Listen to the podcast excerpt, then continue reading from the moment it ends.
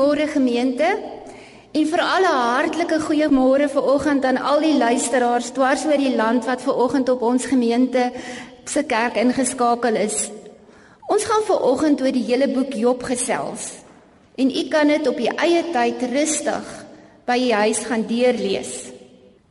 Ons wil u lof verkondig. Ons God en koning. Ons wil u naam altyd loof. Alle lof kom u toe.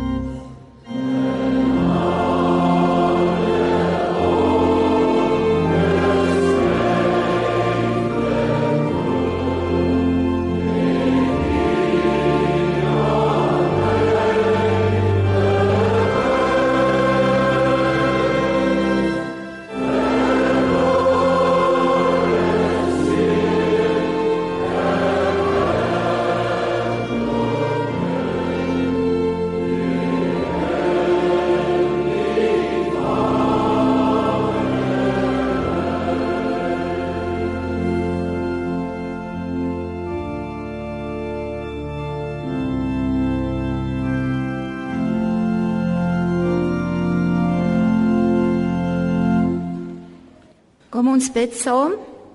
Ons Vader, dankie dat U aan ons U woord gegee het om ons te bemoedig, te leer en te versterk.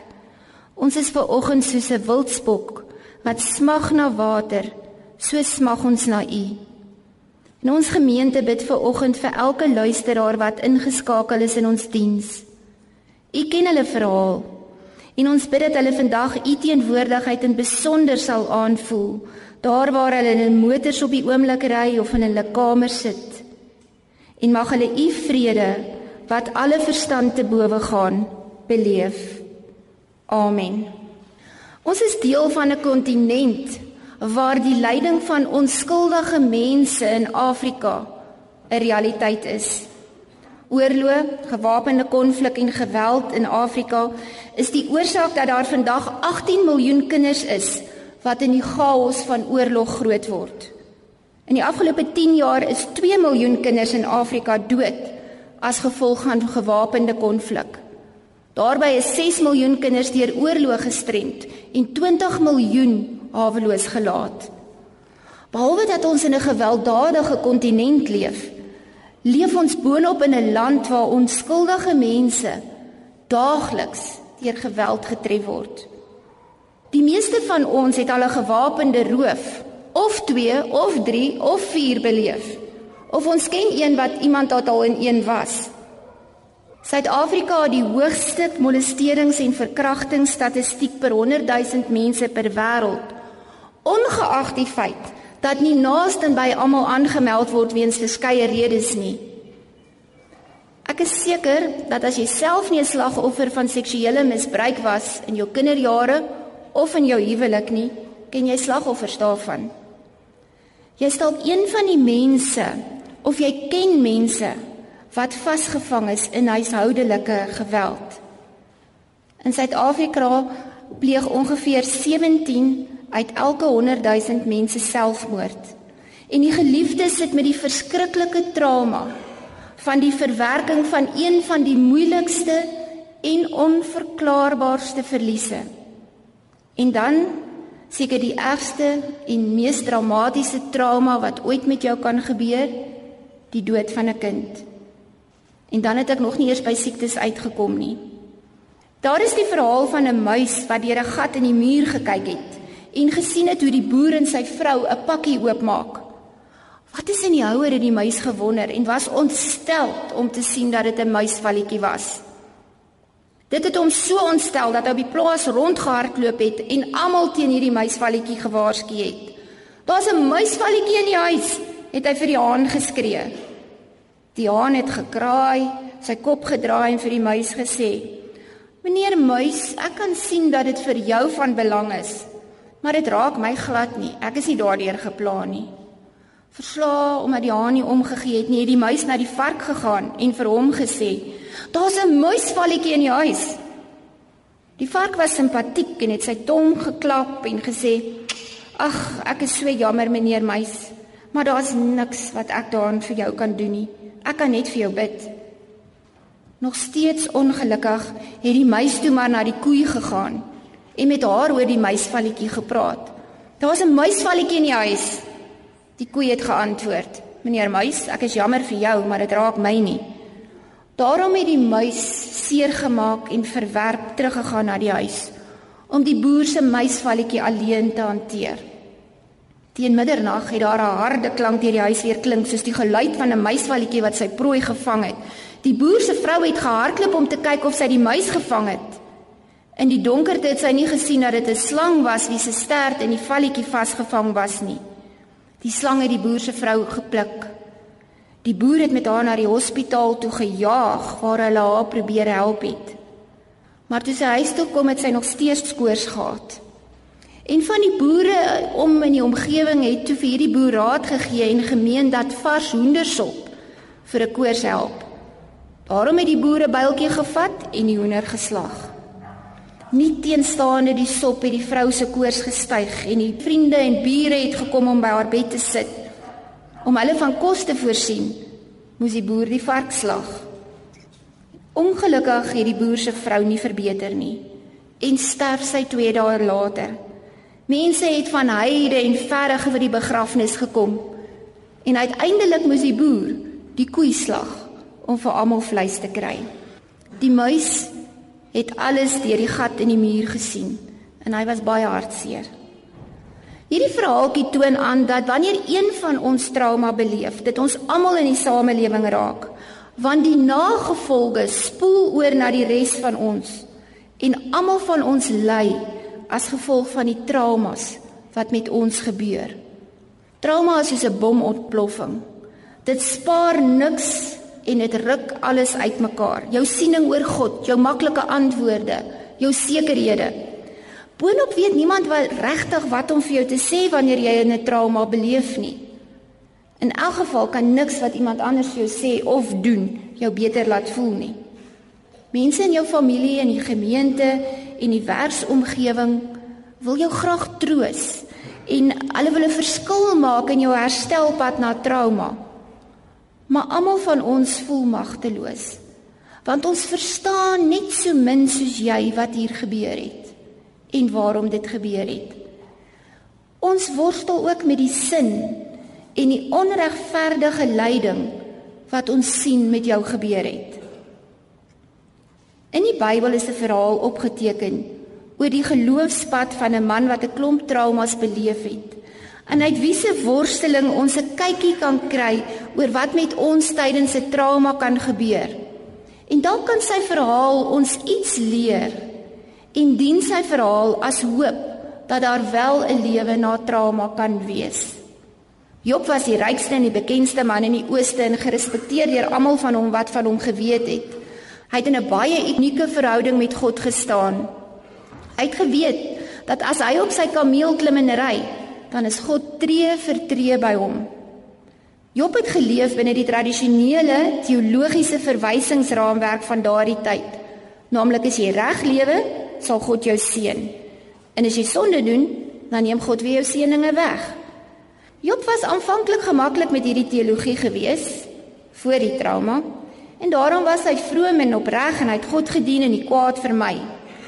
Hy was 'n tevrede pa met al sy kinders om hom om, om die tafel en hy was gereeld op sy knieë vir sy kinders. Hierdie ryk, besige, middeljarige besigheidsman het nog baie gehad om voor te leef. Dit was sy voorverhaal. Voordat sy lewe in 'n oogwink verpletter is en sy voorspoedsteologie nie meer vir hom sin gemaak het nie.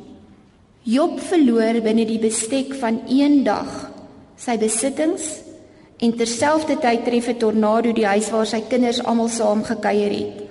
Al 10 sy kinders is op slag dood. En vir die eerste keer in 20 of 30 of 40 jaar is Job en sy vrou weer kinderloos. Dan word hy ook nog getref deur 'n siekte waarvoor daar tot in 1960 geen geneesmiddel voor was nie. Job se trauma het al drie tipiese aspekte van akute trauma getoon, naamlik dit is onverwags en skielik. Jy's nog soos elke ander dag besig om die huis skoon te maak, na die baba om te sien, kos te kook en daar's niks wat jou voorberei op die telefoonoproep van die skoolhoof om te sê dat daar 'n klopjag op die graad 7's gemaak het.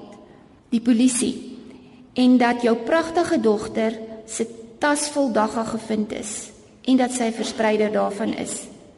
Ek hoop dit nie hierdie trauma verwag nie. Hy het in 'n idilliese wêreld geleef met geen idee dat sy wêreld binne minute sou verander en dat hy tot op die uiterste beproef sou word nie. 'n Tweede tipiese kenmerk van akute trauma is dat die persoon totaal onvoorbereid daarop is. Jy sit voor jou rekenaar in jou kantoor en jou werk en die selfoon lui en jy's totaal onvoorbereid om te hoor dat jou kind in 'n ongeluk was. Job is onvoorbereid op hierdie tyding want hy het geleef volgens sy teologiese raamwerk en daarom moes God hom seën. 'n Tipiese derde aspek is dat daar niks is wat jy daaraan kan doen nie. Dit is soos 'n tsunami wat op die strand afgejaag kom. Die rowers is skielik om jou bed, pistole op jou gerig en daar's niks wat jy daaraan kan doen nie. Op 'n dag is daar 'n klop aan die deur en daarna is niks weer dieselfde nie. Ons praat van die baljies se klop die dagvaardiging, die bloeduitslaa en die lewe verander binne sekondes. Want sodra die tsunami jou tref, word jy in 'n ander land wakker en jy kan niks daaraan doen nie. Die trauma neem hierdie diep gelowige Job van 'n biljoenêr na 'n man wat nie sy huis verband, sy water en elektrisiteit en sy motorpaaiement kan betaal nie van 'n vader van 10 kinders na 'n kinderlose siek man sonder enige vooruitsig van 'n nageslag. En Job loop van die een graf na die ander toe. 10 grafte. En by elkeen staan hy stil en hy onthou die mollige handjies of die tienerhoimor of die volwasse kameraadskap. Sy hart pyn fisies so erg dat dit voel asof hy 'n hartaanval gaan kry. Hy skeur sy klere en hy skeur sy hare af. En daarna gaan lê hy op die grond. En miskien het hy deur die nag daar gelê en na die sterre gekyk. Ure gaan verby. Dae gaan verby. Toe eers praat hy. Die Here het gegee en die Here het geneem. Prys die naam van die Here. Wat 'n besondere woorde vir 'n man wat soveel pyn het. Hy het alles verloor en hy sê prys die Here. 'n Mens het 'n sterker kans om jou geloof na trauma te bou as jy 'n innige verhouding met God voor die trauma het. Maar hierdie aanvanklike berustende houding en stilte eindig wanneer hy in hoofstuk 3 woede uitbarstings kry, gevolg deur 'n diepe depressie Alhoewel hy nooit selfmoord oorweeg nie, is hy spyt dat hy ooit gebore is. Job het die punt bereik waar die dood meer aantreklik as die lewe lyk. Hy doen nie afstand van sy geloof nie, maar hy's net te moeg om in die oggend op te staan en stilte tyd te hou. Die trauma het hom fitloos gelaat. Hy's vir niks lus nie. Klink dit nie bekend nie? Hy beleef sy trauma as 'n verlating van God uit sy lewe. Sy kernoortuiging dat die lewe vol rede en orde is word omvergewerp en dit veroorsaak dat hy die heelal as chaoties sien, as 'n plek met 'n gebrek aan die teenwoordigheid van God. Trauma maak maar mense die wêreld as chaos sien. Wanneer babas gebore word en in interaksie met die omgewing kom, ontwikkel die gevoelens van veiligheid, vertroue en die gevoel dat 'n mens 'n impak op die wêreld kan hê. Babatjies is totaal afhanklik van hulle primêre versorger om aan al hulle behoeftes te voldoen. Die versorger beskerm, koester en sien om na die baba se fisiese behoeftes. En as gevolg hiervan begin die baba die wêreld as 'n veilige plek sien en ervaar die baba dan dat hy of sy die vermoë het om 'n invloed op die wêreld uit te oefen. Daarom kan die baba begin om dit te demonstreer, deur byvoorbeeld die kos wat hy of sy nie wil hê nie net weg te stoot. Trauma vernietig hierdie gevoel van veiligheid en vertroue. Die wêreld word nou as onveilig beleef. Die vermoë om ander te vertrou word ontwrig. Die trauma versplinter die veronderstelling dat ek in beheer is dat ek dinge kan hanteer, dat ek 'n impak op die wêreld het. Jy's 'n oorlogsveteraan, maar jy moet stil hê wanneer jou gesin met 'n pistool aangehou word. Jy moet jou goed toesluit vir jou dwelmafhanklike kind. Die trauma vernietig die veronderstelling dat daar geregtigheid en betekenis is. Dit verwoes die geloof wat ek het dat B na A moet kom, dat daar orde is.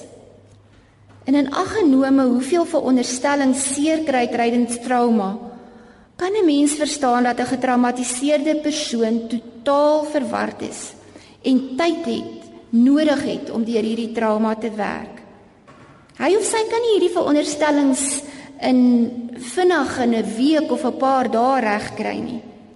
Dit neem soms maande en in sommige geval jare om deur die trauma te werk. Job het nog ander simptome ook na die trauma ervaar. Slagoffers van trauma se simptome verskil van mekaar en omdat ons elkeen maar ons eie unieke persoonlikheid en omgewing het, en sommige mense beleef meer simptome as ander. Die intensiteit van die simptome verskil van slagoffer tot slagoffer. Maar al die slagoffers se reaksies is normale aksies na abnormale gebeurtenisse. Simptome kan die volgende wees: nagmerries, terugflitsse, versteurde slaappatrone, versteurde eetpatrone, 'n gevoel van magteloosheid. Jy mag skuldgevoelens belewe. Getraumatiseerde mense mag skuldig voel dat hulle bly lewe het terwyl ander nie. Hulle blameer hulle self omdat hulle nie meer gedoen het om ander wat seer gekry het te help nie. Slagoffers voel baie keer dat hulle skuld het aan die feit dat die trauma met hulle gebeur het. As ek net nie op daardie plek was nie. As ek maar net iets anders gedoen het. Verkrachtingsslagoffers mag skuldgevoelens beleef en voel dat hulle die oortreder uitgelok het. Enige skuld wat die slagoffer voel, is valse skuld. Jy mag spyt wees dat jy op daardie plek was maar die skuld behoort aan die oortreder en nie aan die slagoffer nie. Jy mag ook gevoelens van woede beleef soos Job beleef het. Dit is 'n normale reaksie na trauma, maar dit kan jou herstel kompliseer. Telkens hoor ek, as jy maar net doodstraf in ons land was, sou my ouers nie geskied gewees het nie. As die ambulans net vinniger gekom het, sou sy geleef het. Die beste manier om jou woede te hanteer is in dosisse. As jy al jou woede in een slag wil hanteer, mag dit jou oorweldig. Bestudeer dit stukkie vir stukkie in klein hanteerbare dosisse. Kyk apart na die woede wat jy vir jouself het en die woede wat jy vir ander het. En trauma kan ook lei na irrasionele denke. 'n Verkrachtingsslagoffer kan byvoorbeeld allemans as gevaarlik beskou. Nog 'n voorbeeld van irrasionele denke is dat ouers van kinders wat selfmoord gepleeg het, hulle self as 'n mislukking as ouers kan sien. Job het elkeen van sy simptome verwoord en dit verwerk. Ander mense was ook geraak deur Job se trauma. En dit bring ons by die rol wat ander in jou herstelproses speel. Uiteraard is ander mense betrokke in jou lewe, want trauma ruk 'n hele gemeenskap en gemeentes en hulle gaan baie vir jou beteken. Maar ongelukkig speel nie almal noodwendig 'n positiewe rol nie. Job se verskriklike lyding het sy vrou wat elke dag by hom was ernstig geraak. Mevrou Job het 10 kinders verloor en sy is in rou gedompel. Sy het haar sekuriteit en voordele wat die rykdom meebring verloor. Sy kon nie meer huishulpe bekostig nie. Haar spesifieke lewenstyl was weg. Vir jare was sy die vrou van die belangrikste man in die ooste die eerste dame. Nou het sy haar metgesel, haar minnaar, haar maat, haar reisgenoot verloor. Haar lewe is weg. Sy verstaan net nie meer wat sy sien en beleef nie. Sy was lief vir haar man en sy siekte het nie gemaak dat sy hom minder lief gehad het nie. Sy het hom lief gehad deur 10 geboortes. Sy het hom lief gehad toe die kinders groot geword het, toe hy nog 'n arm man was en met sy besigheid begin het. Sy het aangehou om vir hom lief te wees toe hy die magtigste man in die ooste geword het. En eie aan haar teologie van die tyd sou sy gedink het dat God Job sal doodmaak as hy hom vervloek. Ondersteuners van die voorspoedsteologie beloof gesondheid en rykdom en volgens hulle behels God se wonderlike plan met jou lewe net aangename dinge en beslis nie probleme nie. Eer God en hy gee. Doen sonde en hy neem. Vervloek hom en hy sal jou laat sterf. En daarom het sy by Job gehuil en gesmeek en gesê Job liefling, ek kan nie meer nie. Ek kan jou nie so sien ly nie. Vervloek God en laat hy jou neem. Sy probeer God se optredes voorspel. Maar dis nie die enigste insette wat Job van ander gekry het nie. As gevolg van sy bekendheid het die mense gepraat oor hierdie verskriklike traumas wat Job ter beurt geval het. Alhoewel hy baie mense geken het, het slegs 'n handjie gevolg gekom om by hom te wees.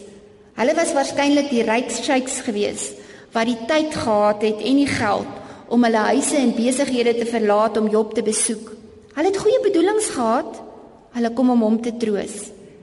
En toe hulle by Job kom, was hulle so geskok geweest toe hulle hom sien dat hulle gehuil het. Hulle het hulle klere geskeur net om hulle vriend te sien en te hoor met wat met hom gebeur het, het hulle getraumatiseer.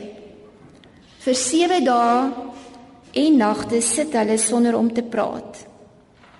Hulle luister na Job se uitbarsting van pyn en twyfel. Hulle is wonderlike vriende. Vir 7 nagte en vir 7 dae totdat hulle die woorde van 'n wanhoopige man te ernstig opneem en daarop begin reageer.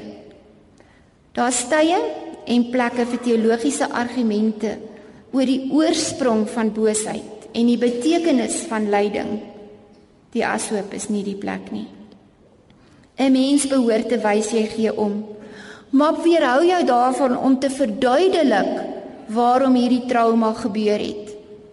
Verduidelikings heel nie gebroke harte en verwarde breine nie.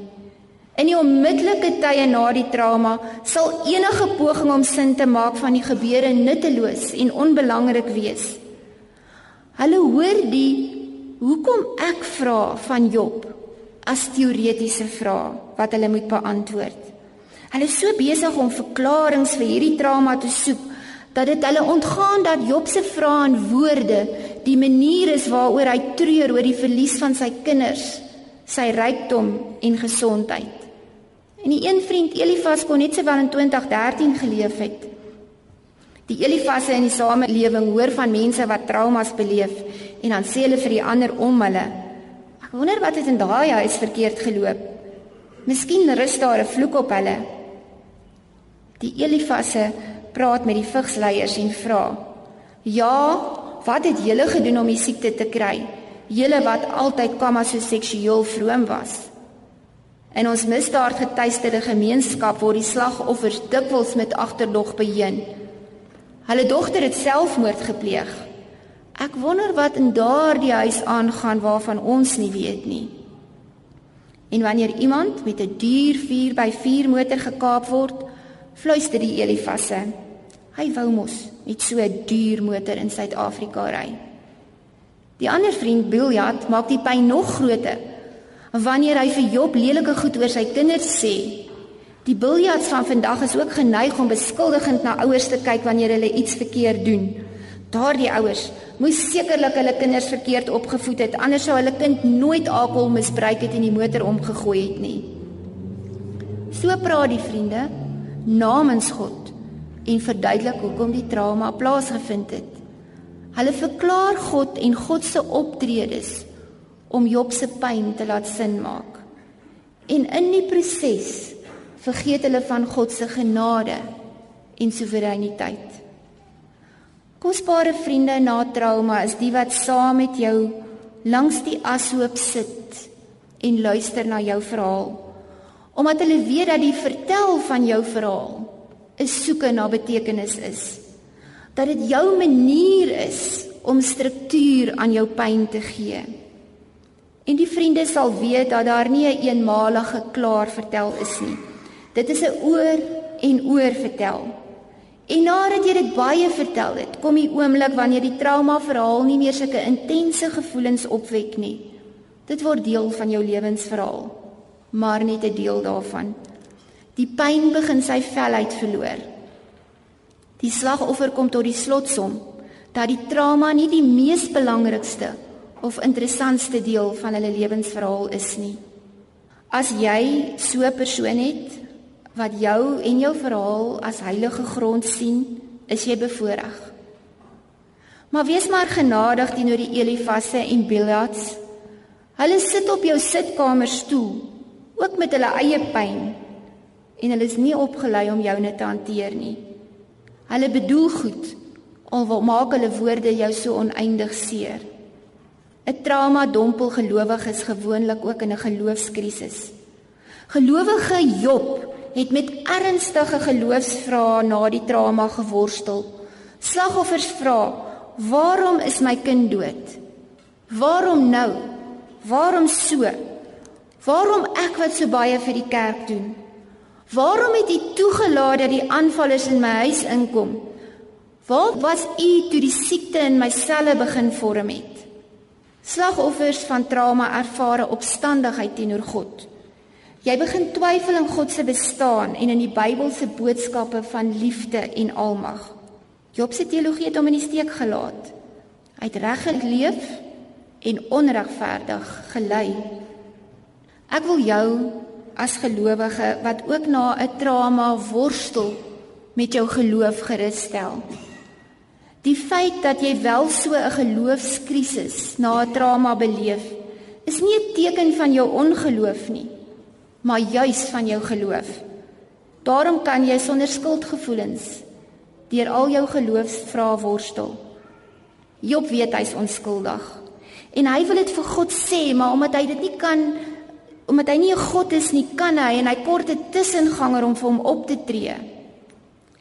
Sy geloofsreis bring hom tot die oortuiging dat hy met sy eie oë eendag die verlosser en tussenganger sal sien en na hom sal kyk as sy vriend. Wat 'n diep moment vir 'n man wat 2000 jaar voor Jesus se kruis geleef het. Dit is net 'n trauma wat sulke diep geestelike denke kan bring. Ons leef na die uitstorting van die Heilige Gees en na Golgotha. En weet dat daar iemand is wat vir ons bid na trauma wanneer jy nie meer kan bid nie. En ek praat nie nou van jou selgroep of jou vriende nie. Natuurlik is hulle gebede baie belangrik. Maar die heel belangrikste persoon is nou besig om vir jou te bid in jou trauma. Romeine 8 vers 26. Daar staan: Die Gees staan ons in ons swakheid by. Ons weet nie wat en hoe ons behoort te bid nie, maar die Gees pleit self vir ons met versigtings wat nie met woorde gesê kan word nie. En God, wat die harte deurgrond, weet wat die bedoeling van die Gees is, want hy pleit volgens die wil van God vir die gelowiges. Hy praat op hierdie oomblik met God oor jou pyn. Terwyl Job so geborstel het deur sy geloofsvrae, het dit gevoel asof God nie na hom luister nie. Daar was 'n stilte van die hemel af vir 37 hoofstukke. Eers na 37 hoofstukke begin God praat. En tot sy verstomming besef Job dat God al die tyd geluister het, ook na dit wat sy vriende gesê het. God raas met sy vriende. Dit mag vir jou voel asof daar 'n hemelse stilte is. Maar God sien en hoor wat elkeen van jou oortreders aan jou doen. En hy weet van jou pyn. En met God se gesprekke met Job in hoofstuk 37 tot 42 gee hy geen verduideliking vir die trauma nie. Hy beantwoord geen een van Job se vrae nie. Maar na God se gesprek verstaan Job dat God se liefde vrylik betoon word. Hy kan doen wat hy wil. Ons kan hom nie in 'n houer sit nie. Sy liefde opereer nie in 'n wêreld van oorsaak en gevolg nie, maar in 'n wêreld van vrye liefde. Al sou Job nie vroom gewees het nie, sou God hom nog liefgehad het. God is nie soos my vriend vir wie ek iets moet doen sodat ek dit later kan terugkry as ek hom nodig kry nie. Ek is vry. Ek hoef nie goed te doen om God se guns te kry nie. Ek is vry om hom te dien net omdat hy God is. Job was deur 'n verskriklike drama. Hy het God geken voor die drama, maar hoor nou wat sê hy in hoofstuk 42 vers 5 en 6. Tot nou toe het ek net gehoor wat mense van u sê, maar nou het ek u self gesien. Ek smelt nou voor u en vind daarin my troos, alhoewel ek nog steeds in sak en as sit. Job het God leer ken, nie ten spyte van sy pyn nie, maar as gevolg van sy pyn.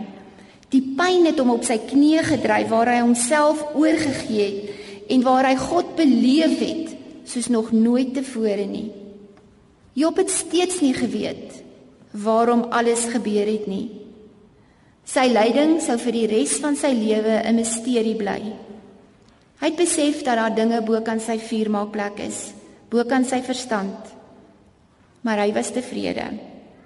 Hy het 'n bergtop ervaring met God gehad.